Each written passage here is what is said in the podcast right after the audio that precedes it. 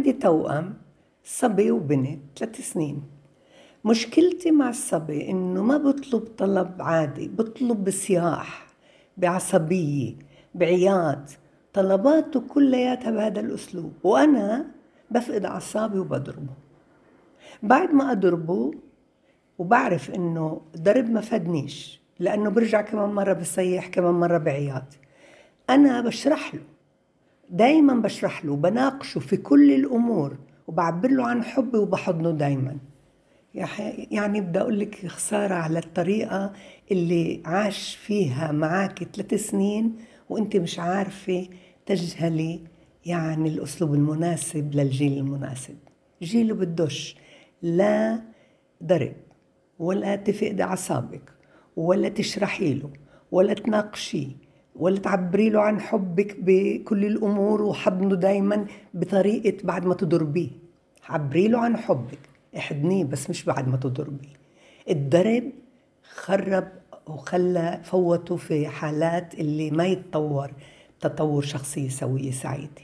الضرب علمه إنه هو ولد عاطل ولد مش منيح. هو مخلوق مش مرضي عنه. هو مخلوق مش عند حسن ظنك. تخيلي انت عندنا نهر عماله بيجري وانت بتكيش مش عاجبك يجري وبدك توقفيه. هيك انت بتعملي.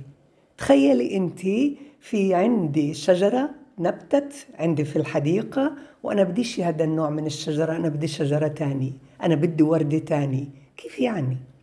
فبتيجي تقولي لي الهم لكان إيش لازم؟ كيف أتعامل؟ هو بالسياح وبالعياط كنت تردي. لما أول شيء أنت أنا بدي أقول لك أنا بتفهمك إنه توم ومش ع... ما كنتش تتوقع إنك بدك تربي توم وبعدك صغيرة. فهدول التوم اللي عمره ثلاث سنين كتير صعب عليكي. فصارت لما يصيح تردي لما يعيط تردي. حقق له رغبة. هي الطريقة خلته يتعود إنه طريقة التعامل مع الماما هي بالسياح وبالعياط. والماما بتضربني وأنا مش عند حسن ظنها. لا. بدك أول إشي تقولي له آه دراما. انت بدك تشرب. ياي اسا فهمت.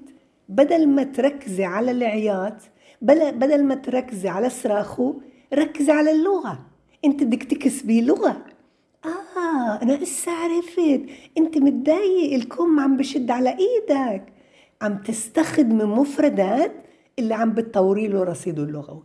وبنفس الوقت قاعدة بتفرجيه إنك أنت محترمتيه ومحترمة حالته النفسية اللي هو فيها مش قادر يعبر لك أو إنه بده إياكي إنه تحققي له رغبة بإنك تركزي على عياطه فأنت بتتجاهلي العياط وبتعملي دراما. تعالي يا كشكش اسمع ابني كيف بيطلب.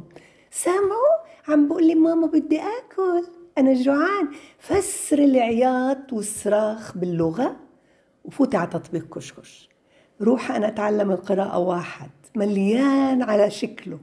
وهيك هو بتطور بشخصية سوية سعيدة وأنت بتتعلم تتحدي حالك في إنك تربي للجيل المناسب بالأسلوب المناسب.